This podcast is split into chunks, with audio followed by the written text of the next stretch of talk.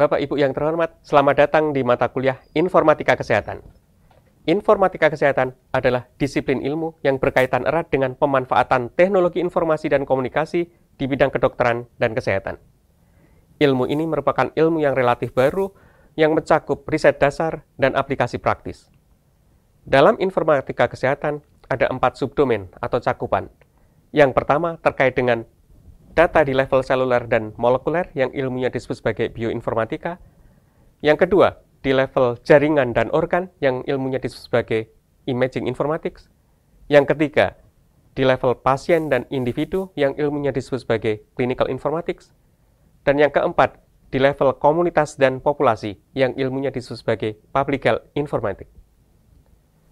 Mata kuliah ini bertujuan untuk memperkenalkan bidang informatika kesehatan sehingga setelah berakhir, Bapak Ibu diharapkan bisa memahami konsep teori dan aplikasi pada sektor kesehatan, dan mampu mendemonstrasikan serta menerapkan ilmu bioinformatika kesehatan dalam kehidupan sehari-hari. Dalam mata kuliah ini akan dibahas berbagai isu penting. Pertama terkait dengan etika, regulasi, dan aspek legal. Kedua, sumber daya dalam penerapan ilmu informatika kesehatan dan ketiga, strategi pengembangan di organisasi kesehatan. Selain teori, mahasiswa juga akan mendapatkan kesempatan untuk melakukan praktek langsung terkait dengan kemajuan teknologi yang diimplementasikan di bidang kesehatan dan kedokteran.